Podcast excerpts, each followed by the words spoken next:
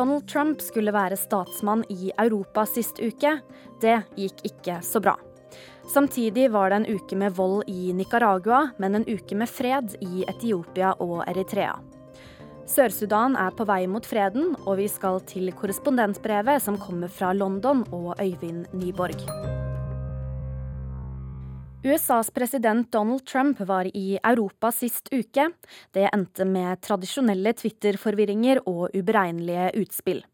Nato ble forvirret, EU ble fornærmet og Vladimir Putin begeistret.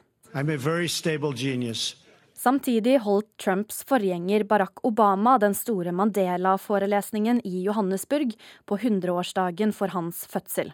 Det var andre toner. I believe in Nelson Mandelas vision.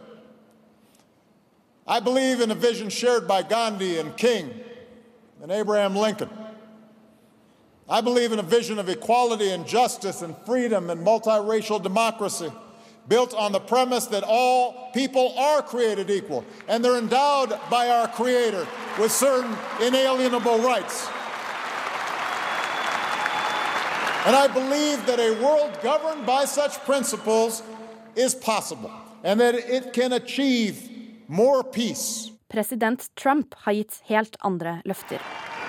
Every decision on trade, on taxes, on immigration, on foreign affairs will be made to benefit American workers and American families.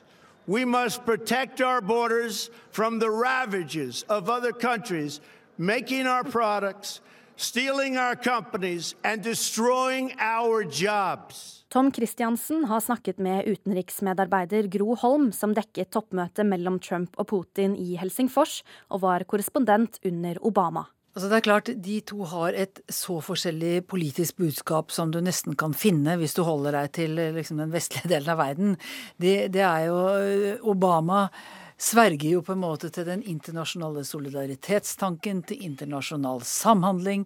Eh, han, eh, hans politiske filosofi er jo eh, ganske så nær sosialdemokratiet, selv om han er amerikaner. Mens Trump jo ikke har noe av den tenkningen i det hele tatt. Han, han snakker ikke, han bruker ikke ordet solidaritet, men han snakker da om Amerika først. Så det er jo for så vidt da for Amerika så vil han det best mulig. men men, mens han, hans filosofi er jo eh, selvfølgelig da at det, det, man får det best mulig ved å eh, gi skattelette til de rike, ved å stimulere til eh, økonomisk vekst, slik at noe av rikdommen skal liksom sildre nedover til de som har, har mindre. Han har ingenting av solidaritetstankegang i, i den forstand som vi forstår, verken egentlig nasjonalt eller internasjonalt. Er det primitivt, kaller Mone, professor i sosialøkonomi? Jo, om det er primitivt? Ja, det vil jeg si er en tilbakegang eh, i forhold til både både disse sosiale bevegelser har ytret i etterkrigstiden etter annen verdenskrig. Eh, og det er en tilbakegang til å vende tilbake til mer autoritært styre. Mer Eh, å se innover i hvert enkelt land. Tro at, eh, at en kan få til eh, noen ting som gagner bare sin egen gruppe. Veldig ofte er det sånn at han gagner en liten del av den gruppen han ønsker å forsvare, amerikanerne. Men det er ved å appellere til nasjonens interesser. For dette at fattige folk ofte ser på større ting enn sin egen gruppe for å finne noen ting som de identifiserer seg med. Enten et fotballag eller det er nasjonen nasjonen. Og det tror jeg det er noe av det han spiller på hele tiden. Jeg synes det, Du kan se en ting som at velferdsstat og små forskjeller mellom folk er mest populær i land som har stor utenrikshandel. Eller sagt på en annen måte, land med stor utenrikshandel får lett til ordninger innad i landet som gir små forskjeller og stor sosial forsikring gjennom velferdsstaten. De tingene tror jeg er viktig. Grunnen til at han kan appellere til eh, litt primitive interesser i det amerikanske samfunnet særlig, det er mangelen på omfordelingsordninger. Mangelen på ordninger som gjør globaliseringen mer populær og mer delt. Eh, og, og, og så er det dette store store spørsmålet, selvfølgelig, og som Obama pekte på, at innvandring er en styrke, sa Obama i talen sin.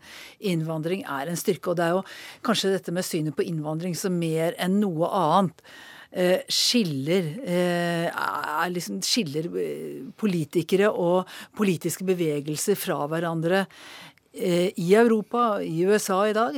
Eh, og, Men Går det en slags linje fra Trump til Europa på dette? Ja, altså Vi ser jo at Trump har helt klare meningsfeller i Europa. I, i Polen har han eh, nasjonalister og populister som er sterkt imot innvandring. De vil jo ikke ta imot noen flyktninger fra Syria, f.eks. I, uh, i Ungarn.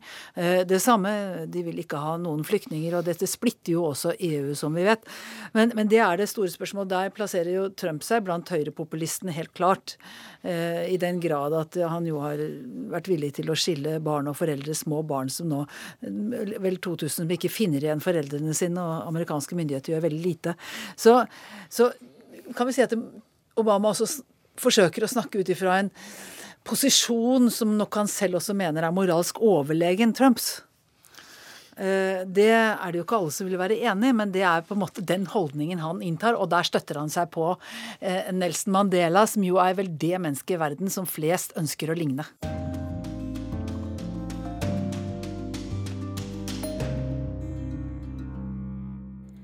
I tre måneder nå har Nicaragua vært plaget av vold og masseprotester.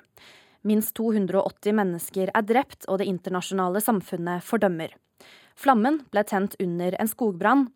Det har raskt utviklet seg til å bli en protest mot landets president og tidligere geriljaleder Daniel Ortega, som denne uka feirer 39-årsdagen siden revolusjonen. Smart. Uten hat. La oss kjempe for freden. Dette er konklusjonen til Nicaraguas leder Daniel Ortega etter en sommer med opptøyer, drap og uro. Tilhørerne hans jubler. Et forent folk vil aldri bli beseiret. Men Nicaraguas revolusjonsbevegelse er ikke lenger så forent.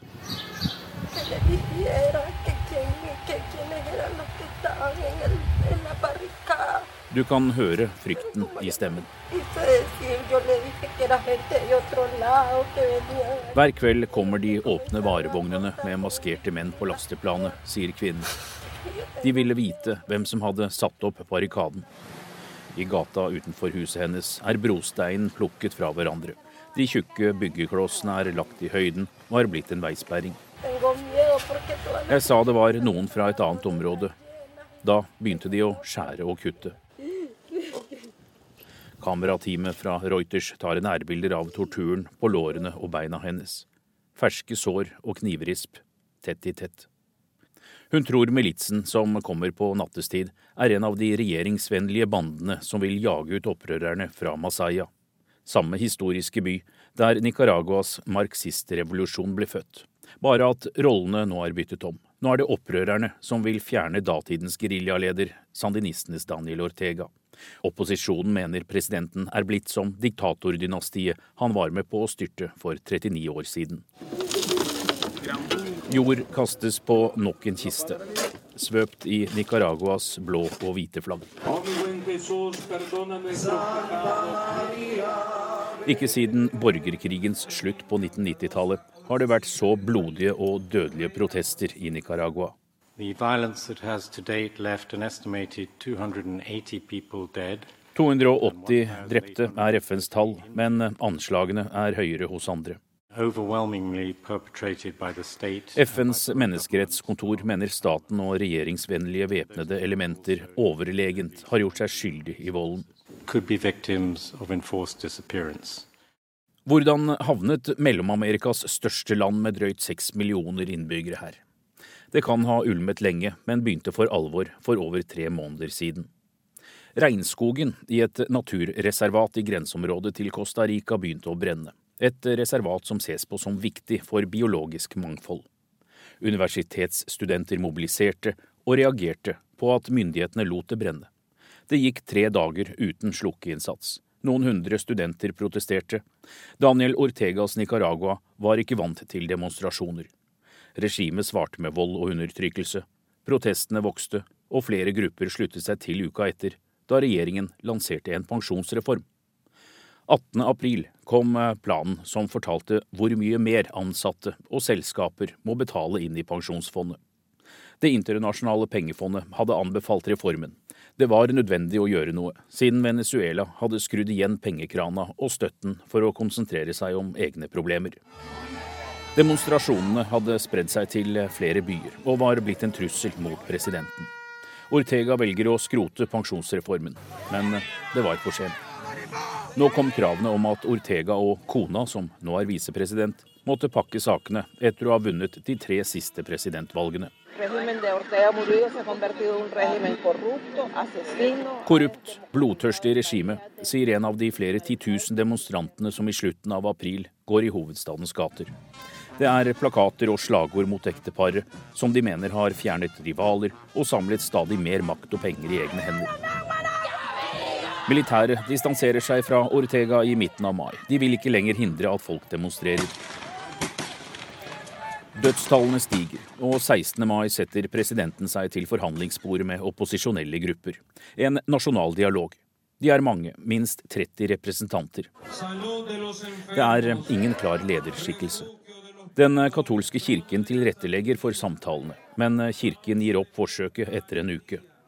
Mistanken er at den tidligere geriljalederen bare har kjøpt seg tid for å tære på demonstrantenes krefter. Presidenten mener biskopene oppfører seg som kupplanleggere. Kirken støtter alltid folket og lokalsamfunnet, sier presten Juan Domingo Guterres. Han har sluttet seg til en protestmarsj fordi myndighetenes voldelige reaksjon gir ingen mening, sier han. Så begynner Ortega å miste støtte hos næringslivet. Nicaragua lammes av generalstreiker, barrikader og økende brutalitet. Studenter okkuperer et universitet som de paramilitære og politiet etter noen dager velger å angripe. Opposisjonen, som har lite til felles annet enn å fjerne presidenten, krever nyvalg neste år, to år før tida. Presidenten fnyser av forslaget og viser til Grunnloven. Paven ber på nytt, uten å bli hørt. President Ortega mener den katolske kirken samarbeider med satanister. Støttespillerne hans angriper kirker der demonstranter har søkt tilflukt, og trakasserer katolske ledere som mistenkes å hjelpe opprørerne. Samtidig gjenvinner regjeringsvennlige styrker kontrollen over flere opprørssentre, blant dem opposisjonsbastionen Masaya. Det er nå de internasjonale fordømmelsene begynner å skyte fart.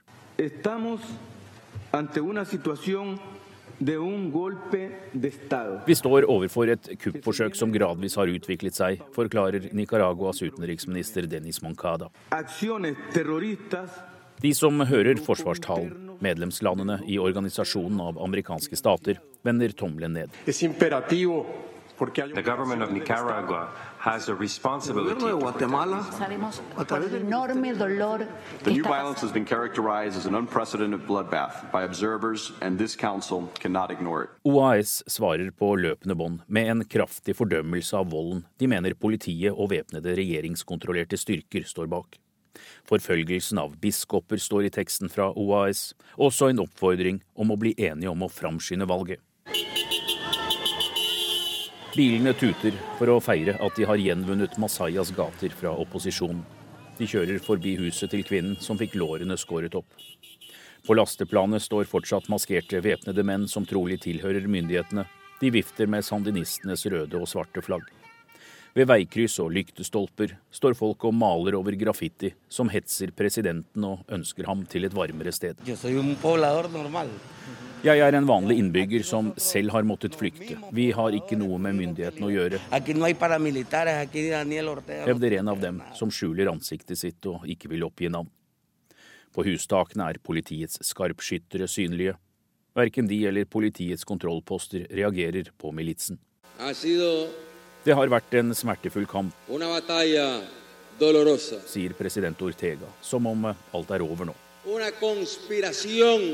Med seg på scenen for å feire revolusjonsdagen for 39 år siden har han Venezuelas og Cubas utenriksminister.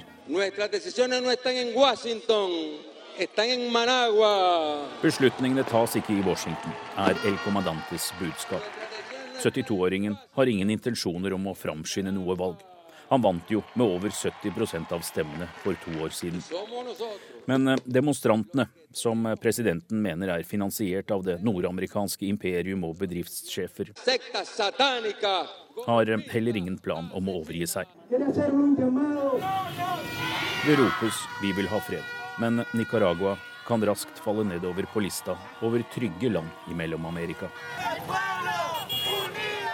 Reporter her, det var Anders Tvegård.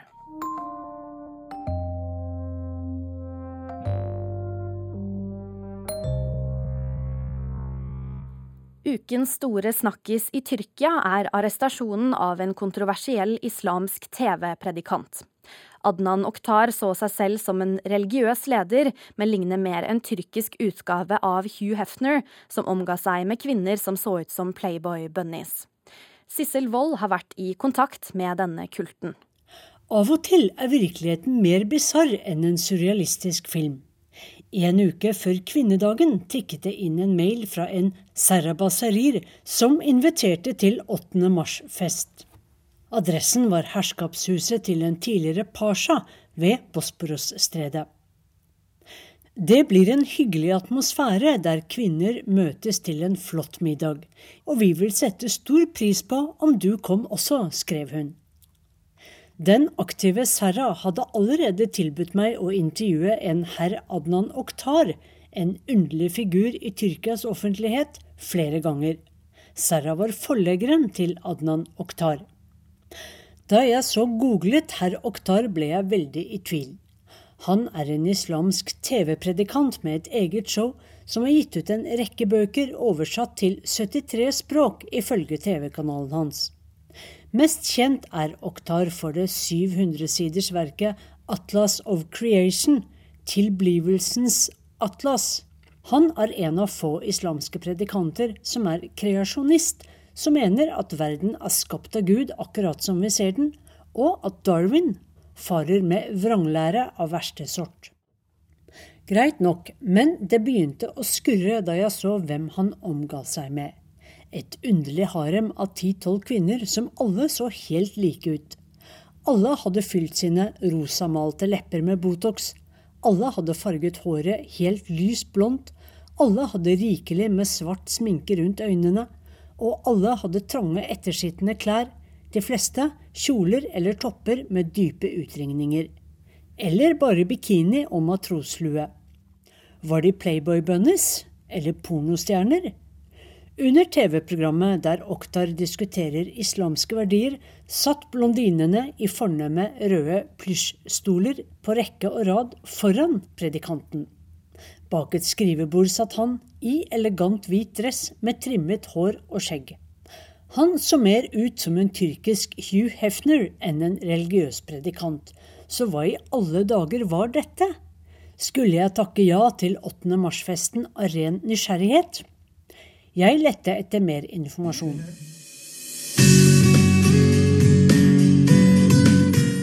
En reporter fra et program tilknyttet Vice News hadde oppsøkt Oktars TV-program som het A9.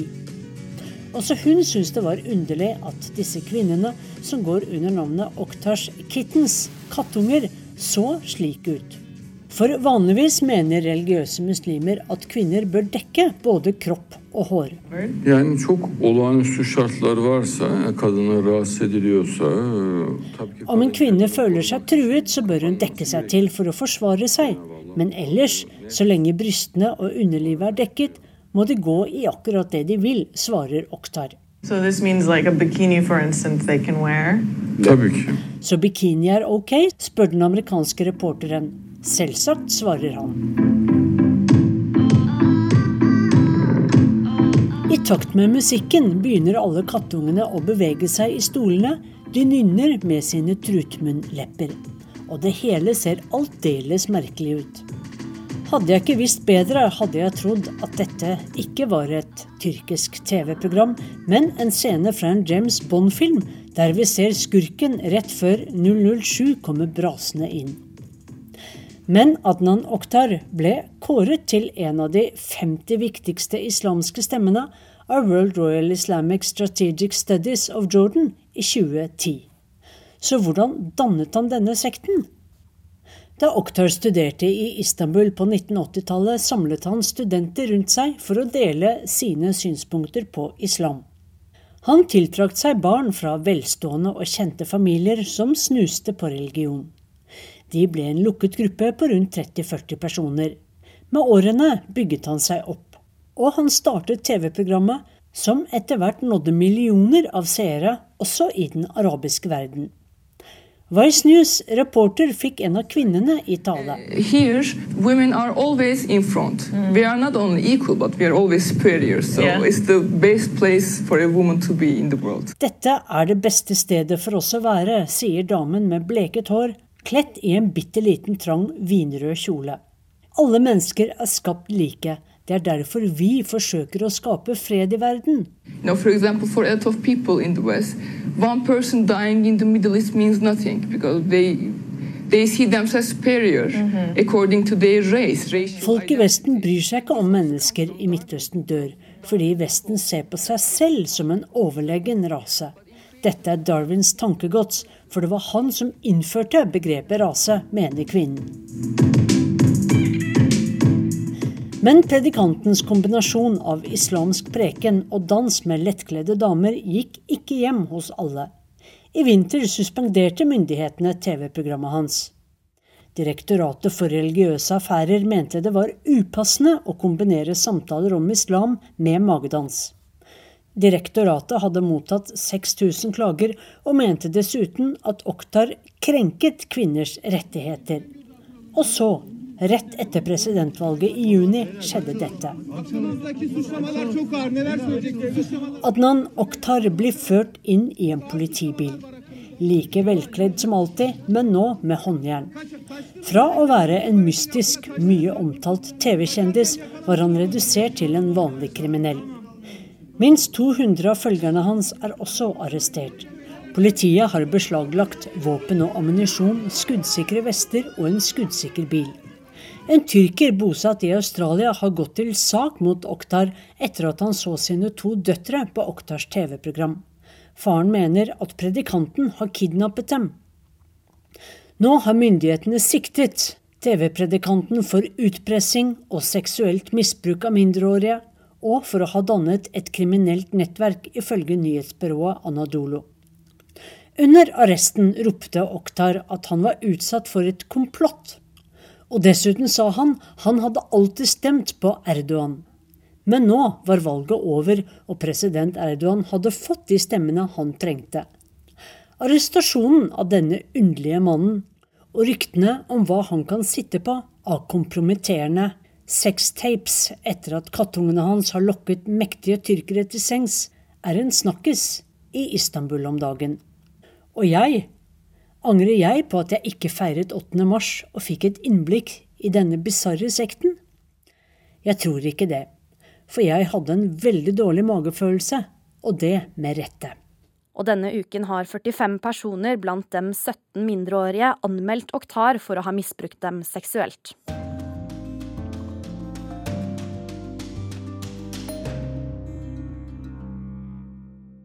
Den ene dagen kommer Sør-Sudans ledere i uniform, den neste dagen kommer de i mørk dress. Partene i Sør-Sudan gjør et siste forsøk på å vende dette kaoset til en nasjon, den yngste i sitt slag. President Salva Kiir jaget visepresidenten Rik Mashar ut av landet. Han ble sittende i eksil i Sør-Afrika og har nå vendt hjem. Begge har de blod på hendene. Begge har gjort seg skyld i folkemord, og nå får de en ny start. Det er ikke sikkert at de har fortjent det. Tom Christiansen har snakket med Odd Evjen fra Kirkens Nødhjelp, som nettopp har kommet ut fra Sør-Sudan. Riak eh, forsøker å vende hjem eh, til en scene som var lik den for mange år siden, hvor det var to, eh, han og hans motpart Salva, som kjempet mot hverandre. Det er noen som karakteriserer dette slaget som to gamle bukker som står med hornene i hverandre og ikke klarer å fristille seg for hverandre, og bare venter på at den andre skal falle sammen av utmattelse. Men den scenen er ikke lenger det Sør-Sudan eh, som er, det er ikke det Sør-Sudan som var. Det er oppstått mange, mange grupper. Det er fragmentering politisk, det er uh, opportunistiske uh, militære grupper. Det er en helt annen scene nå enn den som var for noen år siden. Sånn at uh, Riek Masharas tanker om at fienden hans er Salwa Kiir, uh, det hjelper ikke å bekjempe Salwa Kiir, for da har du ikke vunnet krigen? Nei, utgangspunktet er at disse to kampanjene forsøker å legitimisere makt og kanskje egen økonomisk base og, og posisjon i samfunnet. Men realiteten er at ingen av de to har lenger noe videre kontroll på bakken over de mange gruppene som nå er blitt til. Men jeg har hørt dem og sett dem uttale seg som om de skulle være store statsmenn, altså med Nå skal de begynne, nå skal de bygge landet og stå sammen. Og det lyder jo like lite troverdig når man vet hva de har vært gjennom. Når begrepet statsmannskap kommer på banen, så er det fristende å trekke parallell til at vi i denne uken feirer det som ville vært Nelson Mandela sitt hundrede år. Disse to er ingen kopi av Nelson Mandela. Det er ingen visjonær ledelse som tar utgangspunkt i folkets lidelser. Men hva tar de da utgangspunkt i? Det er fristende å si at de tar utgangspunkt i konsolidering av egen makt og egen økonomi. Mye av det som nå skjer, kan kanskje ses i lys av økonomi. Eh, det er kommet et mye sterkere trykk om sanksjoner. Eh, fra før av vet vi at USA har vært på banen og, og, EU, men det nye nå er at også Den afrikanske union trykker hardere på. Eh, vi ser da en kobling mellom Sudan, Uganda, Etiopia eh, og de regionale aktørene som da presser på for å få fremforhandlet denne, et nytt momentum i fredsforhandlingene. Men i bunn her ligger det kanskje en egeninteresse hos alle parter for å sikre eh, økonomi. Nå nevnte du eh, veldig mange aktører her, bl.a. Eh, Uganda, Sudan. Er, det, er nabolandene inne De opptrer som om de skulle være fredsmeglere og fredens menn, men har ikke de sugerøret langt ned i statskassa hvis det er noe penger igjen der? Jo, det er fristende å, å, se dette som også et økonomisk motiv fra de aktørene Sudan og Uganda. Oljefeltene i Sør-Sudan er viktige for Sudan sin økonomi. Det at oljeproduksjonen har falt så drastisk i Sør-Sudan, innvirker på en sterkt svekket økonomi i Sudan. Om oljeproduksjonen kommer i gang igjen eller økes, så vil Sudan få mer inntekter. Uganda har også sterke næringsinteresser i Sør-Sudan. Nesten alt det som er av matvarer, av, av varer generelt, er importert fra, fra Uganda. Slik at begge disse to har sterke økonomiske interesser i Sør-Sudan. Men under trykk om sanksjoner og eh, bivirkninger altså fra Den afrikanske union, så de, ser de seg også nødt til å ta noen skritt for å, å, forsøke å få til avtaler som sikrer eh, en økonomi for de begge. Kan Sør-Sudan leve av oljen nå framover, eller har de solgt oljen for år fremover?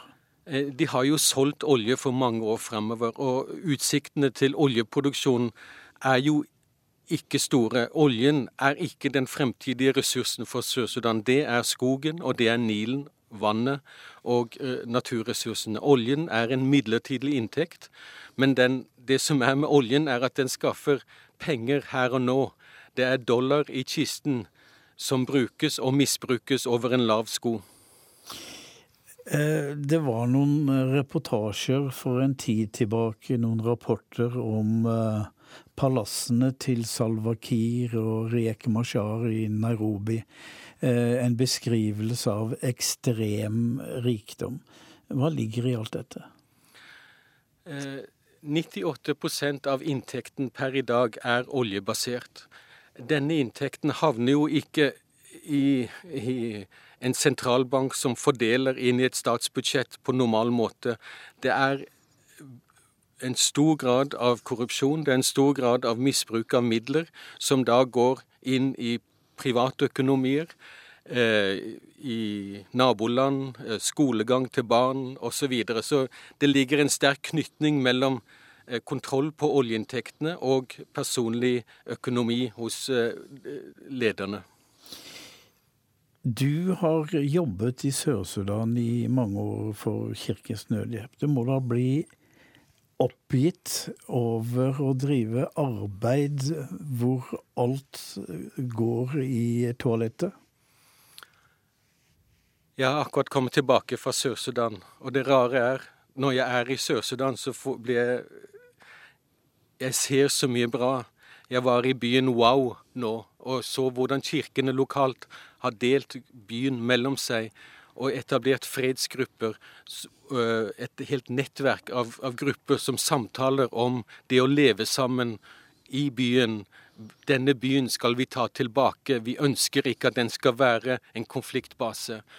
Og det viktigste jeg hørte, var at vi må slutte å la oss manipulere av våre ledere. Vi som folk, vi ønsker å leve i fred sammen. Og så sier tre kvinner som jeg møtte, hvis ikke vi jobber for fred, hvem skal da gjøre det? Det er denne energien, det er dette hjertelaget som får meg til å se håp om at dette det er faktisk sørsudaneserne selv som vil stå for den framtidige freden, og de ønsker å gjøre det.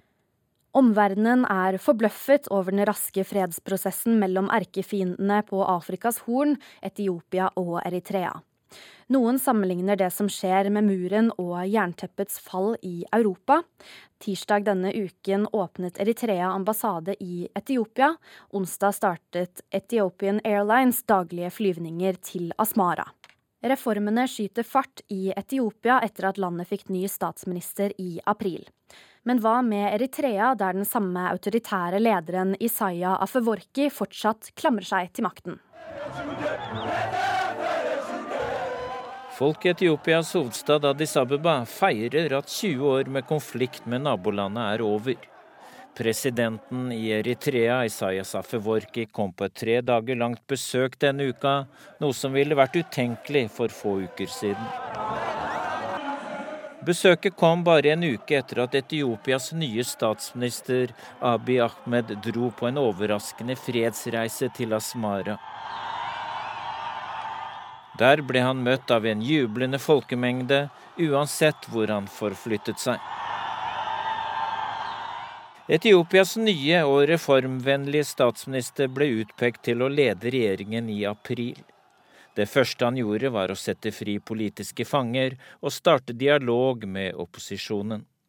5.6 holdt han en tale om forsoning. Han lovet at Eritrea skal få herredømme over områder de to landene slåss om fra 1998 til 2000. 9.7 undertegnet han og presidenten i Eritrea en fredsavtale. Nå skal grensene åpnes. Onsdag startet Etiopian Airlines daglige flyvninger mellom Addis Abeba og Asmara. Tirsdag åpnet Eritrea sin ambassade i Addis Abeba og Etiopia skal få tilgang til havnene Massawa og Assab ved Rødehavet. Selv for innbyggerne er det vanskelig å henge med fordi forholdet mellom de tidligere erkefiendene utvikler seg raskt. Selv en forsker ved Afrikainstituttet i Uppsala med bakgrunn fra Eritrea ble positivt overrasket. Uh, no that, uh, happen so soon but also the development is happening very quickly. So uh, I was not expecting it to be so quick. So I think this is very historic. Dette er historisk, vi må bare verdsette det som skjer nå. Det sier Reddy Berketab. Han er rørt over det som skjer nå, da telefonlinjene mellom de to landene ble gjenåpnet etter 20 år, ble det svært synlig hvilke lidelser mange familier har måttet tåle disse årene. Mother, uh, meeting, her, uh,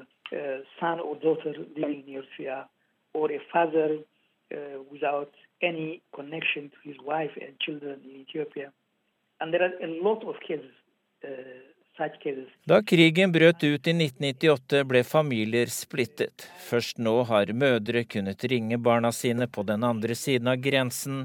Selv ektemenn var isolert fra kone og barn, forteller Reddy. Forskeren sier at det gjør inntrykk at partene avslutter lang konflikt uten megling fra omverdenen.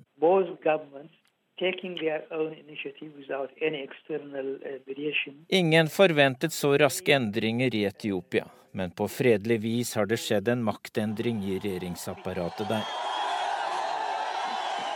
Statsministeren i Etiopia og presidenten fra Eritrea blir hyllet i begge land. Eritreas leder roste Etiopias nye statsminister for å ta det første steget mot fred.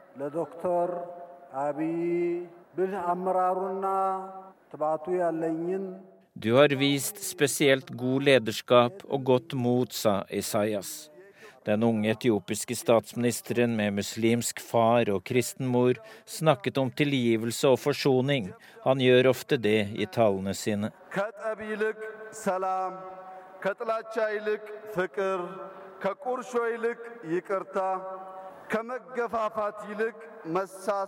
Vi må velge kjærlighet framfor hat. Vi må løfte hverandre opp og ikke trykke hverandre ned, fortsatte Abiy Ahmed. Forskeren ved Afrikainstituttet sier at endringen i Etiopia gir håp om reelle endringer også i Eritrea. Uh, there is for change. Uh, how soon that change will take place, uh, what scope it will have men hvor raskt det kan bli endringer også der, er vanskelig å si.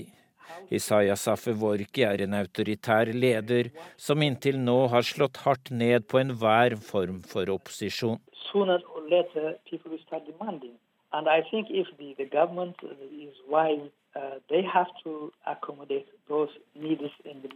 Før eller senere må ledelsen i Eritrea vise vilje til reformer også der. Denne uka kom det et lite tegn på at det er noe på gang.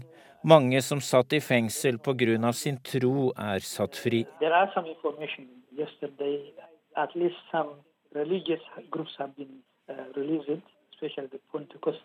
Some 400 fra frimenigheter knyttet til pinsebevegelsen er satt fri.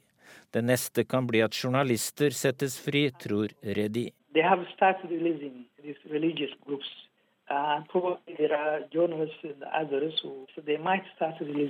han mener det kan ta lang tid før politiske fanger settes fri, og før det innledes forhandlinger med opposisjonen som er i eksil.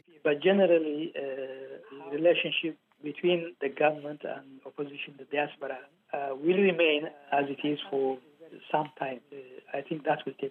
Redi Bereket Eab advarer omverdenen om å blande seg inn og presse på. Eritreere tåler ikke å bli diktert, sier forskeren ved Afrikainstituttet i Uppsala, som selv har røtter i Eritrea. What is important to, to acknowledge is uh, the Eritrean government that knows to listen to pressure. Eritrea is not listening to the Eritrean government, they do not listen to pressure from outside. Uh, I think the international community has to be very careful. If uh, the, the, there is strong demand, do this, do that, Hvis det internasjonale samfunnet dikterer gjør det, sånn og slik, da kan eritreerne gå i vranglås, sier eksperten ved Afrikainstituttet. I Addis Abeba og i Asmara feirer innbyggerne med å hylle hverandre. De gleder seg over at 20 års isfront mellom naboene nå er over. Enkelte tar helt av. De sammenligner det som skjer mellom erkefiendene på Afrikas Horn, med Berlinmurens fall og slutten på jernteppet i Europa. Reporter her, det var Dag Bredvei.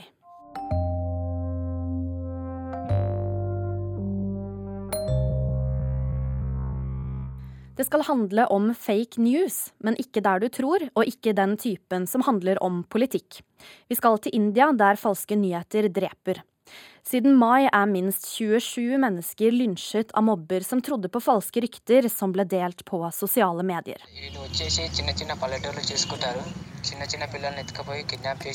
Det du hører her, er et varsel som er spredd til hundrevis av mennesker gjennom gratisapplikasjonen WhatsApp. Disse menneskene går inn i små landsbyer og bortfører barn, sier stemmen. Hektet sammen med lydfilen er bildet av en ung mann. Ikke la disse menneskene leve, er det siste som blir sagt i lydmeldingen. Den unge mannen på bildet er gjeteren Jetty Yadaiya. Han har aldri bortført et barn, men nå frykter han for sitt liv.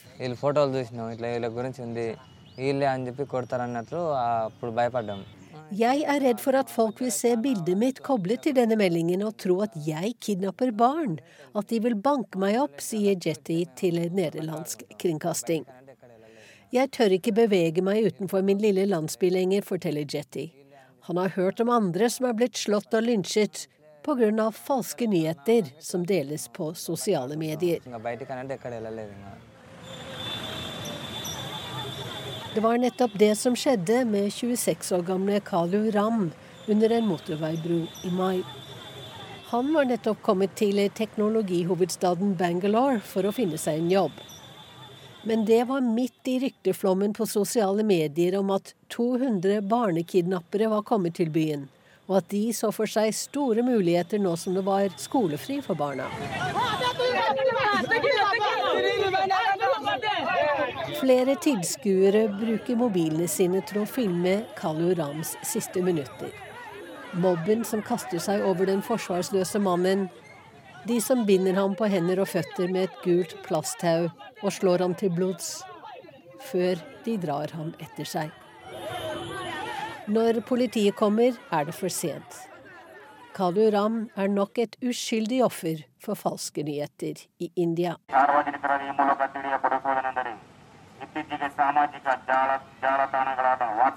En halv milliard indere har smarttelefoner, og over 200 millioner av dem bruker applikasjonen WhatsApp. Ikke bare for å ringe og tekste gratis eller dele videosnutter. For mange er WhatsApp, som eies av Facebook, deres fremste kilde for nyheter. Også de falske.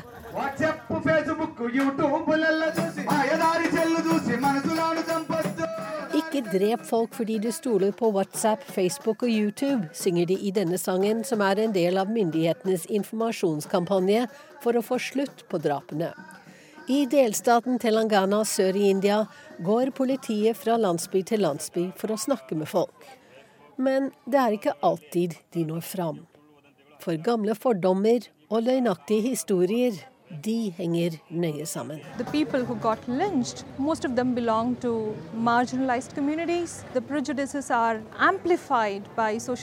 De fleste av dem som blir lynsjet, tilhører marginaliserte grupper, og sosiale medier forsterker fordommer, påpeker politisjef Rema Rajeshwari. So if certain group of people are attacking people to the extent of killing them, that goes to show that there is det er et underliggende hat som fører til at en hel gruppe går sammen om å drepe et annet menneske, mener hun. India er WhatsApps største marked, og nå krever myndighetene at mobiltjenesten må gjøre mer for å stanse den lynraske og ukontrollerte spredningen av falske og farlige rykter. Det holder ikke med helsides avisannonser med tips om hvordan brukerne skal kunne avsløre falske meldinger. WhatsApp sier de nå vil teste ut begrensninger i hvor mange chatsamtaler man kan ha gående samtidig, og fjerne den raskeste måten å videresende meldinger. Fra før har de gjort det lettere for brukerne å se hvor meldinger kommer fra. Men mobiltjenesten påberoper seg privatlivets fred når myndighetene krever at WhatsApp skal gjøre det mulig å spore opp avsendere av provoserende meldinger. Når rykter og falske nyheter blir spredd av folk med onde hensikter, kan ikke mediet som blir brukt for slik spredning, unndra seg ansvar. Dersom ikke WhatsApp tar affære, blir eierselskapet sett på som medskyldig og dermed gjenstand for rettslig forfølgelse, sier Indias departement for informasjonsteknologi. Ikke langt fra landsbyen til gjeteren Yadaiya, som vi møtte først i denne reportasjen, gikk det nesten galt da to fremmede menn på motorsykkel stoppet for å ta seg en pause. De ble banket opp av mellom 200 og 300 landsbyboere, forteller Revali Ramulu i landsbyrådet. Pga. sosiale medier trodde de at disse unge mennene var barnerøvere. Mobben hørte ikke på oss, de var sikre på at de hadde rett. Hadde ikke politiet vært der, hadde de to unge mennene blitt drept. Reporter her Wenche Eriksen. Og nå skal vi til denne ukens korrespondentbrev, som er fra London og Øyvind Nyborg. USAs president Donald Trump har forlatt Skottland etter sitt Storbritannia-besøk, og sommerferien for London-korrespondenten kan begynne. Vi pakker bilen. Planen er en rundtur langs kysten av Devon og Cornwall, men vi har tenkt å ta det litt som det kommer. Motorveien ut av London er travel. Været har vært som i Sør-Norge, med temperaturer rundt 30 grader, og mange gjør som oss, setter kursen mot kysten. Første stopp er Stonehenge, en drøy mil utenfor Salisbury i Wiltshire. Ute i en gul åker står store sandsteinsblokker, noen med overliggere i en hesteskolignende innhegning fra steinalderen. De største av blokkene er ni meter høye og veier nesten 50 tonn. Steinformasjonene pirrer nysgjerrigheten, og teoriene om hva steinaldermenneskene drev med i det som var en landsby her, er mange. Steinene ble reist et sted mellom 2000 og 2500 år før Kristus, og det er fortsatt et lite mysterium hvordan menneskene klarte å frakte steinene til Salisbury-sletten den gangen. Stedet har hatt en stor symbolsk og religiøs betydning, og restene etter mange graver er fortsatt å se som små gressvoller i landskapet. I dag er det blitt et selfieparadis for turister fra alle verdens hjørner. Bilturen går videre ned til Salisbury. Nærheten til Stonehenge har gjort byen til en av Storbritannias mest besøkte turistbyer, i tillegg til at den har en av Europas høyeste og vakreste katedraler. Men det er merkbart få turister i ellers så travle Salisbury. I disse dager arrangeres den årlige katedralbyfestivalen, men heller ikke den klarer å trekke fulle hus. Salisbury preges fortsatt av nervegassangrepet mot den russiske ekspionen Sergej Skripal og datteren hans Julia. Politifolk står vakt, og det er blå og hvite politisperrebånd flere steder rundt omkring i byen. Vi hadde tenkt oss et besøk på The Mill, byens eldgamle pub, men den er fortsatt sperret av. Skripal og datteren var innom den puben før de kollapset på en benk i parken bortenfor. Som om ikke det var nok for lokalsamfunnet, har de fått et nytt mysterium i fanget. Charlie Rowley og Dawn Sturges ble forgiftet av Novichok i nabobyen Amesbury. Sturges døde på sykehuset, og etterforskerne jobber med å undersøke om giften er den samme som den som ble brukt i attentatet mot Skripal den 4. mars. Da spionsaken sprakk i mars, rasket jeg med meg fotoutstyr og mikrofon og heiv meg i bilen og reiste til Salisbury. Den vesle byen var havnet midt i et internasjonalt spiondrama, og det var naturligvis hovedsaken i Dagsrevyen den kvelden. Jeg møtte blant andre torghandler Daniel Stives. Jeg husker at han var helt satt ut av det som hadde skjedd. Nå møter jeg ham igjen. Torgvogna hans står tett inntil parken der Skripal og datteren segnet om, som om ingenting var skjedd. Men butikkene lider, og omsetningen har falt med 25% i gjennomsnitt. Myndighetene vurderer å gi den vesle middelalderbyen krisehjelp, og prins Charles og Camilla kom til byen for ikke lenge siden, som liksom for å friskmilde den, men det hjalp ikke stort. Turistbussene kommer ikke nedom byen her lenger, men de kjører bare forbi. Det er nitrist, forteller Daniel Stives. Paret som ble forgiftet i Amesbury, hadde funnet Novichok i en parfymeflaske som muligens ble brukt mot Skripal. Økonomisk har det betydd mye. Det er vanskelig å tjene til livets opphold, forteller torghandleren. I likhet med Stonehenge er nervegassaken et lite mysterium. Dødsfallet i Amesbury viser også at den opprydningen som pågikk i ukevis, ikke var så vellykket som myndighetene sa at den var. Den italienske restauranten som Skripal og datteren besøkte, er fortsatt sperret av med høye gjerder. To eldre kvinner på bytur står og diskuterer fremtiden for byen med en av politifolkene. De har med seg sjokolade til vaktene og forteller at mange av dem har lagt på seg fordi folk kommer med godis til dem. De går lange vakter, og folk synes synd på dem. We are British and we still carry on, sier Margaret Ratchew på 86. Folk er forferdet over at nervegassen har krevd liv. Jeg håper nå at Charlie Rowley overlever slik at vi får flere svar, men vil vi noensinne få vite, spør 86-åringen. Det er ingenting i veien med moralen i lokalsamfunnet. Vi overlevde bombingen under andre verdenskrig, så da overlever vi dette også, sier Hilary Bourne på 83. Men Salisbury er også kjent for sin katedral fra år 1220. Siden 1549 har tårnspiret vært det høyeste i Storbritannia med sine 123 meter. Og den er vel verdt et besøk. Vi løser billett og møter guide Mike Townsend ved kirkens benkerader. Han er fra byen og er veldig stolt av både den og kirken. Men også Mike må innrømme at turistene har uteblitt i år pga. nervegassangrepet. Det er lett å se hva han mener. Kun en liten håndfull turister nyter synet av det imponerende kirkerommet mens vi er der. Katedralen i Salisbury har også en skatt av de sjeldne, nemlig et av vår del av verdens viktigste politiske dokumenter. Vi finner veien til en hvitmalt boks i kirkerommets sidebygning. Utenfor står en guide og passer på at ingen tar bilder. Vi går inn i mørket der inne. I et lite glassmonter henger et stort papirark med eldgammel, svart, snirklete skrift. Det er den best bevarte av de fire overlevende kopiene av Magna Carta fra år 1215.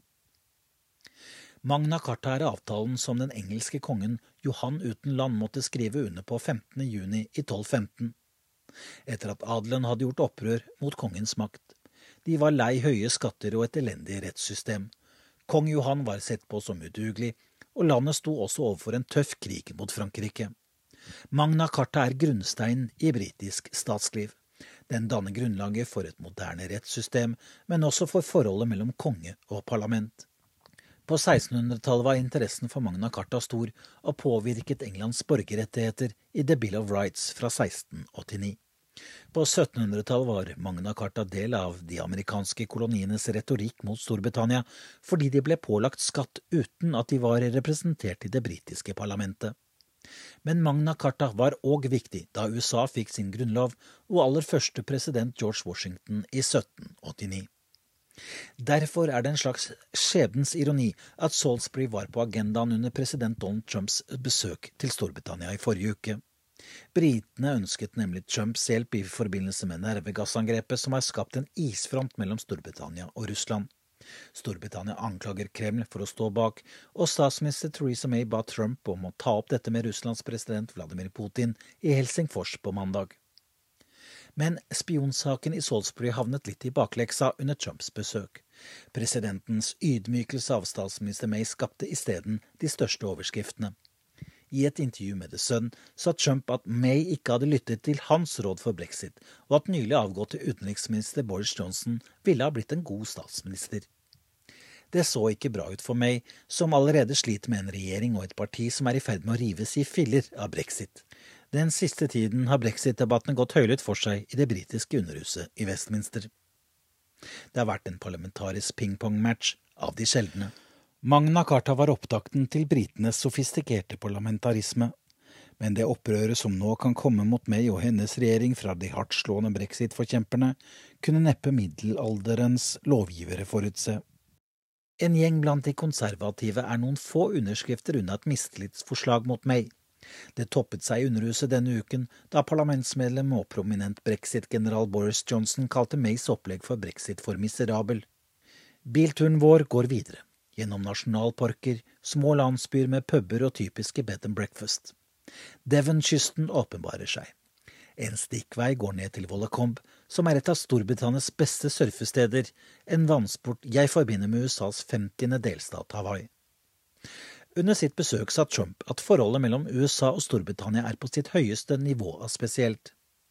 Er det det som skal redde britene dersom de ikke greier å få til en avtale med EU etter brexit?